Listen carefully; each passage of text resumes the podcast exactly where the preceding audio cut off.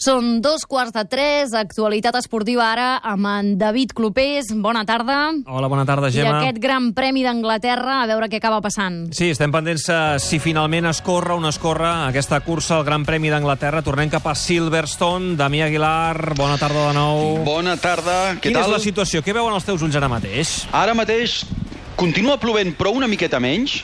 Això d'una banda. Segon, sé que en els boxes l'activitat ja és frenètica, els pilots tenen la granota, s'estan posant els impermeables, s'estan començant a escalfar les motos i en aquesta hora, oficialment en aquesta hora, es comença a estudiar l'estat de la pista. Tenim 10 minuts, 10 minuts en els quals han de decidir que la pista està en condicions per córrer i aleshores d'aquí a menys de 10 minuts, d'aquí a 9 minuts exactament, obririen el pit lane per córrer la cursa a les 3 de la tarda amb voltes reduïdes de 20 a 16 voltes. Per tant, estem parlant d'una cursa que podria durar en, al voltant de 35 minuts amb 16 voltes. Mm, uh, no ha marxat d'aquí, eh? no s'ha aixecat de la cadira. El nostre analista convidat avui, el Ferran Mas, uh, que no es vol perdre cap detall i, i per veure si finalment podem o no comentar aquesta cursa. Ferran, bona tarda de nou. Uh, tu veus factible? Uh, has estat observant les imatges que ens envia Movistar MotoGP, la seva transmissió. Ara veus aquest safety car, que està encara fent voltes en el traçat de Silverstone. Veus factible que es pugui córrer uh, amb aquestes condicions que explica el Damià? A veure, fa- factible o no, el que veig és que sembla que es correrà.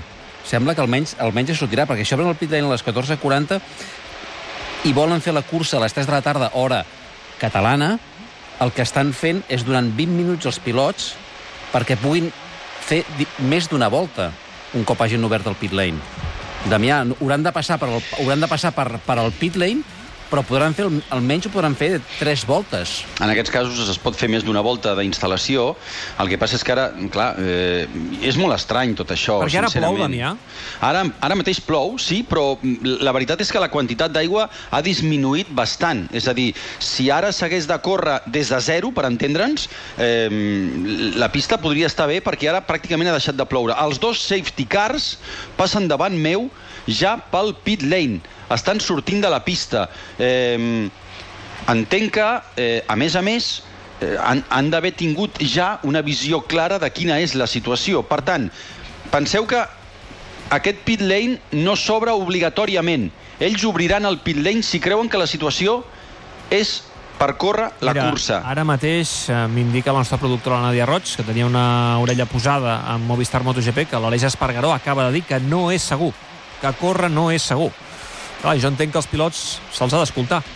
No, no, això, això està claríssim. Desgraciadament els pilots eh, poden pensar moltes coses, però aquí eh, el propi circuit de, de Silverstone ha emès un comunicat per les pantalles gegants dient, escolta'm, eh, intentarem córrer a, a dos quarts si el temps ho permet. Eh, gràcies per la vostra paciència, però és que la paciència ja s'allarga més, perquè ara mateix estan parlant de córrer a les 3 de la tarda. Els pilots estan preparats en els seus garatges i a mi m'agradaria saber si si s'obrirà o no s'obrirà el pit lane. Ara mateix la informació que tenim de direcció de cursa és que aquesta, aquest inici de la cursa està novament endarrerit fins a nova informació. I, I vols una, un altre element discordant?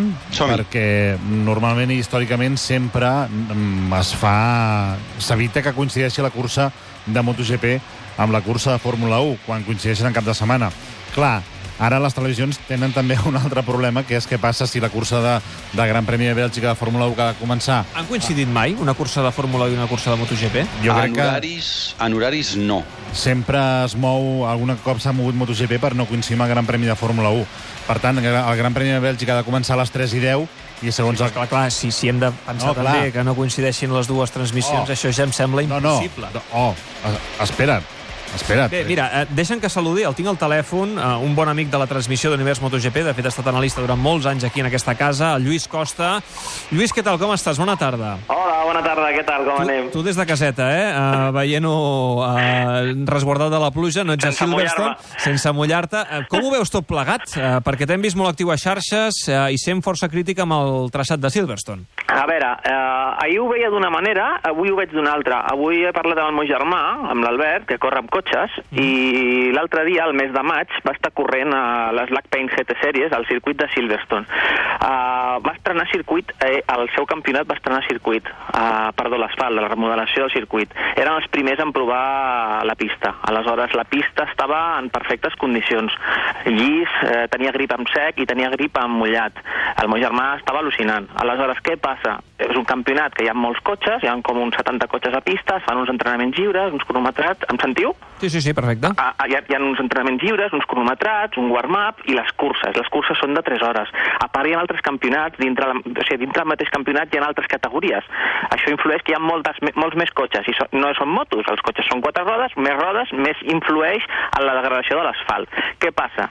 Uh, es corre després la Fórmula 1. La Fórmula 1, es corre la, la, la, el, el, el següent campionat que es corre junt amb la Fórmula 1 i després es corre uh, l'altre dia, la setmana passada, al WEC, el campionat aquest que corre el Fernando Alonso ara, que són també bastants cotxes i també són 6 hores, més els entrenaments, més les altres categories. Això tot plegat es va sumant, es va sumant, i el meu germà em diu, ostres, quan jo vaig córrer no hi havia bonys, eh, el problema és que hi ha tant de grip a l'asfalt que s'aixeca, s'aixeca l'asfalt.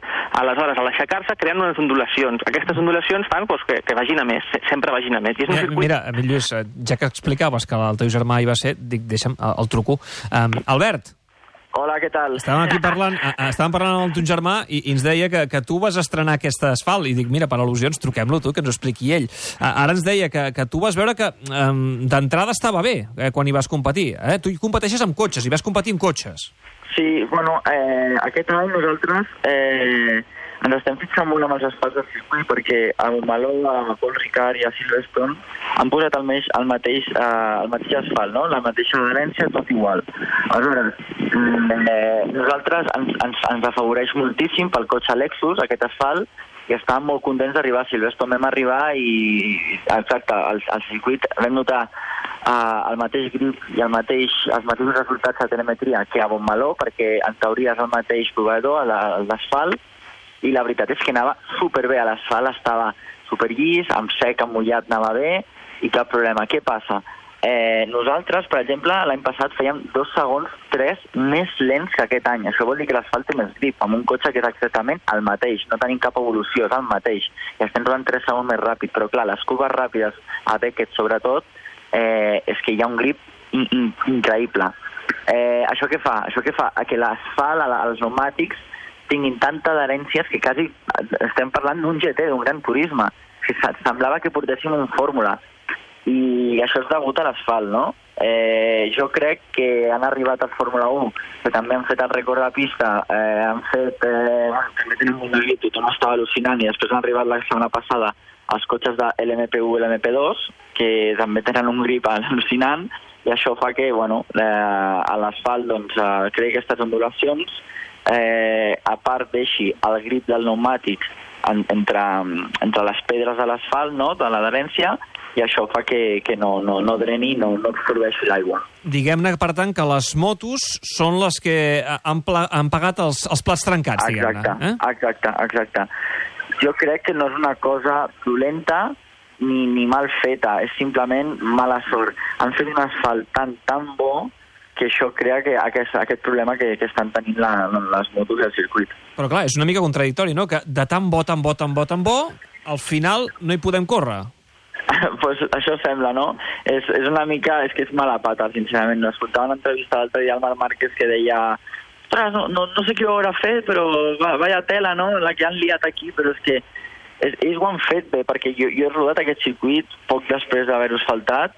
Eh, tinc companys que van rodar un dia completament en aigua, jo vaig, una, vaig tenir l'oportunitat de rodar mig en sec, mig en mullat, i, i a l'asfalt, de veritat, na- anava bé, no hi havia batxes, no hi havia cap tipus de problema, però el que passa és que és tan bo, o alguna ha passat, però és que el, el que em fa por és que també arribi a passar això a, a Paul Ricard i a Romaró, perquè eh, t'estic parlant que és el mateix, el mateix eh, asfalt pràcticament. Ah, doncs escolta, perquè aquí estaríem parlant d'un problema que es podria estendre a d'altres circuits. Evidentment, la pluja aquí també hi està jugant un paper clau. Albert, gràcies, eh? Jo crec que ens ha anat molt bé tot el que ens has explicat. Una abraçada, merci. Espero. Gràcies, adeu. Eh. Lluís, bé, doncs eh, jo Ho crec que ens... bé el nen. Sí, no? El nen ho ha explicat molt bé, el Tete, no? Ho ha explicat bé. Sí, sí, sí. sí. Uh, clar, El tema està que amb, les, amb els asfalts antics, tipus Assen, uh, no hi havia aquest problema. Assen sempre ha sigut un circuit que, que l'adherència ha sigut brutal, a part que està contra Peraltada i Peraltada a favor i en negatiu, però sempre s'ha pogut... Uh, uh, L'aigua s'ha evacuat bé. Aleshores, és el que comenta el nano, el meu germà. Um, són tan bons els asfalts que, que, que està, està passant aquest problema. Es, que, es crea una capa també de la goma que també fa que no dreni.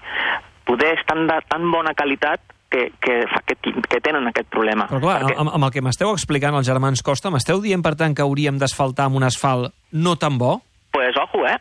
Perquè ara, per exemple, acabo de rebre un, un privat d'Instagram, que també un, un tio m'ha dit que es dedica a això del, dels asfalts, i m'ha dit que sí, que igual han posat una mescla, uh, la, una mescla barata per estalviar, i a l'estalviar amb asfalt uh, ha provocat això. S'haurien d'haver gastat una miqueta més, més uh, diners, em diu un 35% més d'una mescla que es posa a l'asfalt, jo no hi entenc d'això, jo entenc de pintura de motos, però m'ha comentat això, que, que han volgut anar amb un asfalt tan barat, que és bo, però que haurien d'haver fet un altre tipus de mescla. O sigui, aquí opinions n'hi ha Ah, moltes. ja n'hi ha, ha tot tipus, n'hi ha tot tipus. Sí, sí, sí, sí. Bé, um, Damià, l'estàs escoltant, eh? el pots saludar si vols el Lluís. Lluís, què fas? Hola, Adam, què tal, com vas? Ah, et trobo a faltar, eh? Ja ho saps, eh? Pues mira, ja saps, a, a, a la Motorland i a, i a Cheste, eh, si vols, eh, estaré amb tu. Ja, ja veurem, ja veurem què fem. doncs, eh, aviam, aquí continua plovent. Evidentment, aquests horaris que ens havien dit, que si, a la, que si a dos quarts, que si a i 40, doncs ja som a i 41 i 24 segons i aquí no passa res. Per tant, la situació continua endarrerida i, i evidentment, la pobra gent que ha vingut aquí a veure les curses deuen estar encara més avorrits que, que ningú, tot i que aquí s'ho prenen doncs, eh, amb, molta, amb molta, molta, molta filosofia. Estan estirant la situació, ja ho sabeu. Estan estirant la situació, aquí són, aquí falten 20 minuts per les dues del migdia i si ho volen estirar fins a les 4 de la tarda, això és el que tenen. El que passa és que han fet córrer, eh, eh Ferran, han, han, han, han fet que Lorenzo hagi hagut de deixar el plat de macarrons eh, perquè veritablement devien estar acabant eh, de, de dinar i fent les postres tranquil·lament i els han obligat a, a córrer una mica per, per tornar-se a posar. Ara davant meu, davant de la meva posició, un tractor traient aigua del darrer revolt eh, és una mica... És, és, I una miqueta més enllà, dos revolts més enllà, un camió de les autopistes també netejant, és una miqueta còmic. Eh, Però a, a, aquesta pantomima que estem fent ara, perquè no l'hem fet a, fa dues hores, no? És a dir, si hi havia menys Perquè aigua... fa dues hores hi havia menys plovia. aigua, acum- no, però hi- clar, hi havia menys aigua acumulada, per tant, ja... Devia no sé. ploure més, no?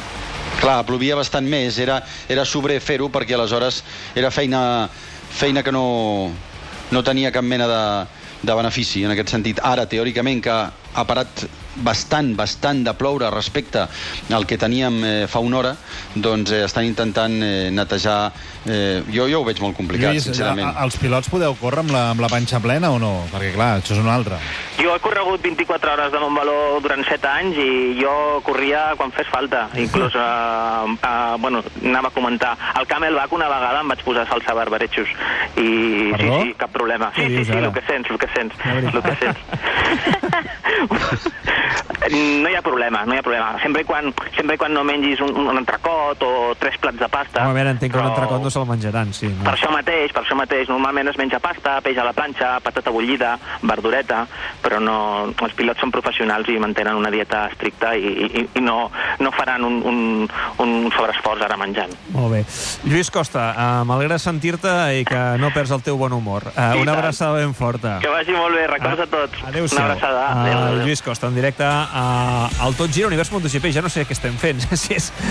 Bé, Univers MotoGP, no? En principi és el que estem fent, sí. Mira, deixa- Uh, deixa'm- Esperant que hi hagi decisió. Deixa'm aprofitar que no hi ha decisió, el Damià està que em pot tallar quan vulgui, per explicar una nova medalla catalana als Mundials de Piragüisme. L'ha guanyat Saúl Cravioto amb tres companys més en el K4 500.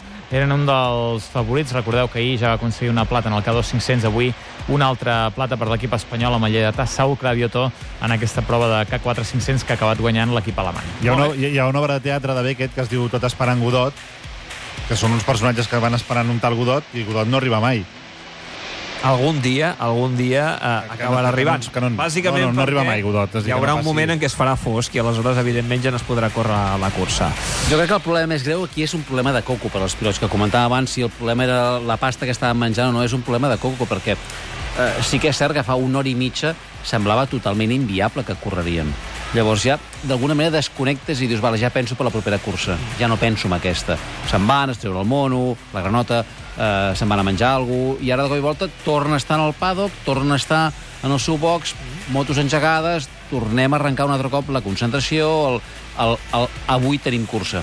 Ara, fa un moment, l'Albert Costa, que va provar aquest circuit fa, fa uns dies, en aquest cas amb un cotxe, eh, ens deia compte que no tinguem el mateix problema amb el circuit Barcelona-Catalunya, que també l'hem resfaltat. Mira, tinc el director del circuit al telèfon, el Joan Fonseré. Joan, què tal? Com estem? Bona tarda. Bona tarda, David. No, no, Bé, no, no, no, haurem de patir. Això, això no ho veurem, no, el circuit de Catalunya, el que està passant ara mateix a Silverstone? Nosaltres eh, crec que ja la, la, la, les obres que vam fer van anar una mica en aquest doble sentit de, de millorar el que és el, eh, la ondulació, les ondulacions que veien, les irregularitats que hi havia. Jo crec que ja tant en els tests de Fórmula 1 com a Fórmula 1 com al Gran Premi de motociclisme va quedar clar i palès doncs, de que tots aquests, eh, aquests eh, sotracs, per dir-ho manera, s'havien, aquestes irregularitats s'havien eh, eliminat. No, no, no sé, Joan, si estàs en un lloc que hi ha molt de vent, perquè Sí, em sembla que... vent. Ah, Sí, sí, és sí, que no, no, et sentim una mica de dificultat. No sé si et pots col·locar en Sí. algun lloc una mica més resguardat del Intento- perquè em sembla que bufa fort allà, Sí. allà on ets. Uh, Sí, sí. Explicàvem que, mm, que esclar, que vosaltres ja veu haver de, precisament, patir eh, el, el que és el resfaltat eh, davant de, de les exigències, el que demana, diguem, l'organització. Silverstone s'està trobant una situació, doncs, eh, sincerament, surrealista. No sé si ho has pogut seguir, tot el que ha passat fins ara, aquest migdia, i què t'està semblant? Eh, no sé si tens fins i tot informació del que ha pogut fer, del resfaltat que ha pogut fer Silverstone, i, i, i si entens el que els està passant ara mateix amb aquest problema amb la pluja. Jo, jo crec que, com, com us deia abans, nosaltres vam, vam intentar salvar el tema del, de totes les irregularitats que hi havia i en aquí s'ha de fer una feina d'anar a la base, a la subbase de l'asfalt, perquè si no s'arregla allà, després es, eh, es reprodueix en l'asfalt. Jo crec que aquí han tingut aquest primer error ells a l'hora de la, del resfaltat. És a dir, que han asfaltat per sobre dels, dels, um, de les ondulacions, dels de les bonys que hi havia. Que hi havia. Sí, no, no han, i aleshores, clar, copia, copia la, la subbase i en aquí és on, on jo crec que hi deu haver-hi el, el, primer punt de conflicte. Clar, que és a dir, que van- encara que tu ho vegis inicialment llis, el bony acaba apareixent. Clar, clar. Aleshores, aquí ja, ja ho vam veure quan eh, va estar la Fórmula 1 a Silverstone, el mateix Hamilton eh, va fer unes declaracions mm, que nosaltres ja vam dir, ostres, atenció, perquè eh, la Fórmula 1 mm, detecta molt menys que les motos, eh, tot el que és el de MotoGP, que tot aquest, eh, aquestes ondulacions. Aleshores, eh, això ja es, ja es va veure una mica que aquest problema de les ondulacions hi havia. El problema del, del drenatge és un altre. És, eh, evidentment, eh, Anglaterra és un lloc on, on plou molt sovint, però jo crec que el, el, el nivell de pluges d'aquests dies ha estat sent molt per sobre de la mitjana del, dels, eh, de, la, de la pluja habitual a, a un circuit com Silverstone. Ara bé, és veritat que quan eh, tu fas doncs, tot la, el resfaltat aquest, eh, hi ha una sèrie de, de, de mesures que tècnicament es porten a terme i que, evidentment, doncs, tant la Fórmula 1 com MotoGP hi estan a sobre perquè doncs, eh, el, el, el calibre que es diu de la, de la grava, no?, eh, el, el, el diàmetre de, de les pedretes, per dir-ho de manera plana, doncs eh, és, eh, és diferent en diferents capes per tal de que l'asfalt dreni bé. És cert també que en el primer any de l'asfaltat, com que hi ha molt, eh, molt de batum, que és el, diguéssim, la, la cola que enganxa les pedres, no? per dir-ho un altre cop planament, eh, fa que aquest batum a la capa superficial faci com una capa eh, més, més aïllant i que dreni menys, però a mesura que es vagi rodant, doncs aquesta capa va desapareixent i després eh, drena molt millor, no? Eh, no? No ho sé, no conec bé la part tècnica de, de l'asfaltat aquest de Silverstone, però és evident que, que han tingut dos problemes, un el de les ondulacions i l'altre el del drenatge. Mm, Vaja, que pel que estàs explicant ja t'imagines una mica el, el problema per on els hi pot venir. Um, només una pregunta més, Joan. Um, si, per exemple, quan arribi el següent Gran Premi de Catalunya caigués també un diluvi universal, aquest problema nosaltres no el tindríem, perquè entenc que aquesta subcapa, no? aquests eh, bonys que podien haver-hi, ja els vam, diguem-ne, eliminar i, per tant, això teòricament no ens hauria de passar a nosaltres. El, el, la, les, diguéssim, el, el tema de les ondulacions fa que el, el, el no drenar quedi, quedi embassat, no? Eh, nosaltres ondula- ondulacions no el tenim. El tema de la, del drenar, clar, tot depèn de, del nivell de pluja que hi hagi. Si clau una pluja torrencial, nosaltres a Barcelona no estem acostumats a aquest tipus de pluja i no ho hem, no, no, no, no ho hem vist. Evidentment, nosaltres el que vam fer va ser preparar doncs, amb, aquest, eh, amb aquests tècnics de, eh, aquest nivell de, de calibre de les diferents eh, eh, graves que s'hi posen per, eh, evidentment, absorbir tot el que són, eh, el drenar, tot el que són les pluges habituals de, del circuit. Si un dia cau una, una tormenta com mai ha caigut aquí, doncs bueno, esperem que sí que dreni, però tampoc, eh, tampoc hem, eh, hem, hem previst eh, el gran diluvi universal que hi ha sobre el circuit, per dir-ho d'alguna manera.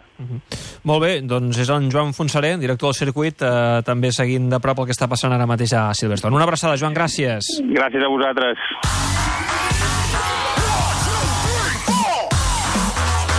Torno cap al circuit. Damià Aguilar, explica'ns què està passant. No està passant res. Gràcies, bona nit. està passant que continua el mateix aquell camió de color verd amb les seves, amb les seves llums grogues que sembla que, que vulgui netejar aigua i a la vegada entretenir una mica la gent de la graderia i els pilots continuen esperant. Estan absolutament esperant. Jo crec que poden Tot, eh, esperar molt. perquè- endarrerit fins a, fins a nova ordre i així estarem, Mira, així estarem. uh, la, la temporada passada, per exemple, el MotoGP va canviar el seu horari uh, del Gran Premi d'Holanda, que es va disputar a la una del migdia, perquè hi havia un Gran Premi de Fórmula 1 a l'Azerbaidjan i les televisions van fer que no coincidís.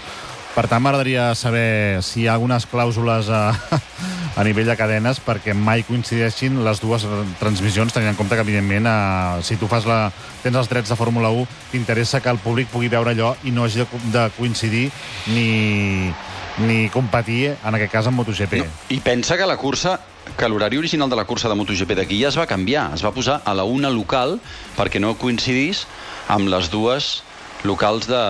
Bueno, amb les 3 de la tarda, perdó, de, Sí. de, de Bèlgica. Part, una local a Anglaterra, però al continent són les dues, fas la cursa 40 minuts i després comença la, la de Fórmula 1. Vull dir que estava tot, tot ben muntat. Al final, Quan aquí dura Fórmula 1? Sí, mira, a una hora i mitja, una hora 40, sense anar més bé, lluny... a les 5 comença MotoGP. Sí, perquè la- l'any passat hi va haver una reunió entre, entre, entre Dorna i Liberty Medias, entre Carmelo Espeleta i, i Ross Brown, en aquest cas, que és eh, el representant en- de, dels nous amos de la Fórmula 1, per limitar aquesta coincidència de, de dates de Fórmula 1 i MotoGP de, de cara als propers anys i que mai coincidissin les hores de, de les curses. Per tant, segur que hi ha alguna, algun acord entre Liberty Media i Dorna en què, limita, en què ho limita tot plegat o que fa que no puguin coincidir de cap de les maneres. Veurem. Hi ha, una, hi ha una, una actualització de MotoGP dient que direcció de cursa tornarà Home, i a comprovar l'estat de la pista a les 3 hora local. A Sí. les 3 hora Són local, les eh? 4 hora catalana, Que no? són les 4 hora catalana. Per tant, aquesta doncs, transmissió ja, ja, ja s'acaba a les 3. Exacte. De 4 a dinar. Tenim un límit, saps el que passa? Que tenim Clar, un límit i i, tant, que hi ha home, i altres programes que també eh, volen, volen tenir el Jo seu vull espai estirar a les l'antena. cames, també, A- una mica. A les 3, mira, ja ho anuncio, a les 3 de la tarda nosaltres tanquem, val? Ens en anem a dinar, perquè encara no hem dinat, i el Ferran tampoc ha dinat. Ja s'ho faran. Eh, butlletí horari, butlletí horari, i eh, després del butlletí, els homes clàssics, eh? tal com Vinga. estava programat a l'antena de Catalunya Ràdio, de 3 a 4 els homes clàssics. I a partir de les 4 ja veurem. No, però- Si no, a les 6 tornarem normalment, com teníem previst a, a, a, a les 4 hora catalana i el tram final de, o la segona part de la cursa de Fórmula 1 Serà a les 5, home. i en aquest cas a les 5 hora catalana ja es pot córrer el Gran Premi de, de la Gran Bretanya en Escolta, motociclisme a perquè ja a s'ha les- acabat el Gran Premi de Fórmula és que 1 a les 5 de la tarda comença a enfosquir, no, Damià? Eh, Jo diria que sí, però vaja, no sé, esperarem. A veure, esperarem. aquí, aquí a Catalunya, aquests dies, aproximadament a les 8 s'està ponent el a sol. la, a la mare de Déu d'agost Però a les 7 ja es A fos les 7 ja és fosc. Sí, a veure, no és però fosc del hores tot. solars són les 9 No és negra nit, però home, a les 7 de la que tarda sí. aquí comença ja a ser una mica més fosc. La sensació, evidentment, eh, Oriol, eh, és que s'han entestat que aquesta cursa s'ha de córrer i faran tot el possible i ho estiraran fins que calgui. Els Vols dir que això també no forma part, i li pregunto també al Ferran, forma part una mica de, de la Trezzo, que ara patrocinadors, etc etc, que demostrin que han fet tot el possible, tot el que estava a les seves mans per córrer avui. Sí, jo, jo ho veig així. Tirar-ho al màxim. Jo veig que eh, potser per una qüestió d'assegurances, per una qüestió de el que dieu vosaltres dels patrocinadors... Dir, que potser fins i tot saben que no es pot córrer, però ells fan una mica doncs, a la Trezzo doncs, de- d'allargar-ho al màxim. I fins i tot potser, potser arrencar la cursa, encara que sigui al cap de dues voltes seguint una bandera negra, però potser fins i tot fins i tot arrencar la cursa a l'hora que sigui. Bé, um, evidentment, aquí el gran beneficiari de tot plegat és Marc Márquez. Estem d'acord amb això, no? Estem d'acord? Sí, Sí, senyor. Sí, sí, sí. Tu saps quan vas a un concert que et diuen que si ha començat el concert i es posa a ploure no tornen a l'import de les entrades? No us hi heu trobat Sí, mai? sí, sí. Si, no, si no comença el concert, te, les, te, te, te'l poden tornar Uh, bé, si comença la cursa i es disputen un parell de voltes, mm, doncs uh, mala sort, no?, pels espectadors. Clar, és que això és una altra. Home, sí, a veure, estar aquí tot el dia i no veure res més que un parell de voltes, doncs també seria greu. Perquè tu a les graderies que veus ara mateix, Damià? No, no, la gent continua, la gent no s'ha bellugat. Aquí els, els que comencen a, a plegar són alguns dels equips de Moto2 i Moto3 que tenen clar que ells no correran. aquí I, ni- I aquí vaja, a les ni de broma, graderies... eh? Evidentment, jo també estic en una zona que just al darrere de les graderies hi ha zona de restauració i hi ha molts que, que, que continuen aquí esperant i ha un- alguns altres doncs, que han anat a fer un mos aquí darrere. Però ara mateix ploure, ploure, doncs eh, no, no. I si plou és molt poquet. Per cert, nosaltres que sí que pensem en la nostra audiència, Sergi Camps, Sí. eh, havíem promès que donaríem regal tant la maleta Roncato Sí, senyor. com també el, el lot de 6 ampolles Cava Verdi, eh? Sí. Encara que, evidentment, no hi ha hagut podi, per tant, tots els pronòstics Bé. han anat directes a la bassa. Potser aquesta tarda hi ha podi, però tanquem el, el concurs ara mateix. La maleta Roncato, eh, que l'hem posat en el sorteig a través del Twitter, se l'endú l'usuari arroba Puixira. Cadascú a Twitter es posa el nom que vol. I a Facebook s'endú aquest lot de Caves Verdier, la Tània Newton. Molt bé. Eh, hi ha algun missatge, alguna cosa que hagi quedat penjada que vulguis explicar, Sergi? No, opinions de la, de la gent amb aquest hashtag Univers MotoGP. La gent doncs, eh, no se'n sap venir del que està passant. Alguns diuen que és una situació ridícula. Alguns també fan paral·lelismes entre l'estat de la gespa ahir a, Ah, mira, a Nuevo és Zorrilla veritat, és i veritat. avui a Silverstone. Eh, gent demanant que es corri demà en bones eh, condicions i gent dient que és la cursa més boja que, que recorda. No és bon dia per comprar-te un parquet per casa, no? No, és, no és bon dia. Encara te'l posaran bufat. Uh, Oriol, calendari que ens espera. Uh, ja sé que alguns diran, home, però és que encara no està suspès la cursa de Silverstone. Bé, sembla difícil que es pugui córrer. Després de Silverstone, d'aquesta cursa fallida, què ens vindrà en aquest Mundial de, de MotoGP?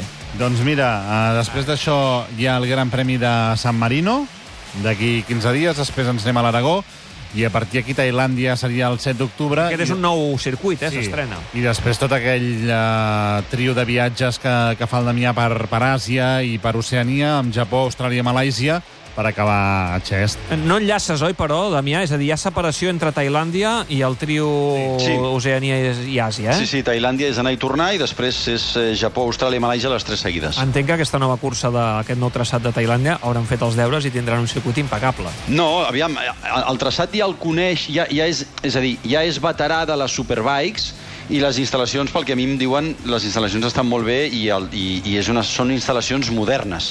Això, això mm, cap problema. I després, evidentment, s'ha anat a la pretemporada per primera vegada perquè no s'hi havia anat mai i, evidentment, sempre hi ha certs, certes qüestions de pneumàtics que si són millors o pitjors el que han, han, han, han arribat eh, a portar, però Michelin suposo que aleshores haurà afinat en, en funció de la informació de pretemporada i hauran portat o portaran per la cursa doncs, el, el, el millor que tinguin. Molt bé, anirem tancant, ara les 3 del butlletí horari, després dels homes clàssics. Damià, eh, fes- fes-nos el titular. Ara mateix la situació és... La situació és incerta al Gran Premi de la Gran Bretanya de motociclisme amb la pista en condicions difícils per disputar la competició. I eh, sabem que a les 4 de la tarda hi haurà una nova revisió del traçat, eh? Sí, després de múltiples revisions durant eh, tot el dia. Bé, i veurem si finalment es pren la decisió de suspendre, que és el que sembla que ara fa la pinta que passarà. No patiu, no patiu, que si finalment es disputa la cursa, ja ens ho manegarem d'alguna manera, ja negociarem amb qui faci falta per poder-vos-ho explicar en directe, perquè nosaltres expliquem totes les curses del Mundial en directe. Per tant, atents a les nostres xarxes, eh? tant a Twitter com al Facebook, com a l'Instagram, eh, perquè si hi ha qualsevol novetat us l'explicarem eh, de seguida a través de les nostres xarxes socials. Gràcies, Sergi, gràcies, Xevi, gràcies, Oriol. Eh, si no passa res a les 6 hi tornarem amb la transmissió de l'Espanyol València i enllaçarem el Tot Gira eh, fins la 1, eh, per fer també la transmissió del Madrid-Girona. Ferran Mas, jo no sé què dir-te. Eh, vés a dinar Sí, i a dinar. si hi ha qualsevol cosa eh, t'enviem un WhatsApp i vens cap aquí. I tornem-hi. Però vaja, jo crec, jo crec que pots marxar cap a casa tranquil·lament perquè a mi em se'm fa difícil pensar que avui hi haurà cursa. O no. Veurem. I si no, tornem a convidar un altre dia. Exacte, cap problema. Gràcies. Ferran. Fins la propera. Gràcies a vosaltres. Butlletí horari de seguida i després els homes clàssics. I el Tot Gira torna, si no hi ha cursa, si no passa res, si tot continua igual, que ja no sé què dir, a les 6 de la tarda en la transmissió de l'Espanyol València. Adéu-siau.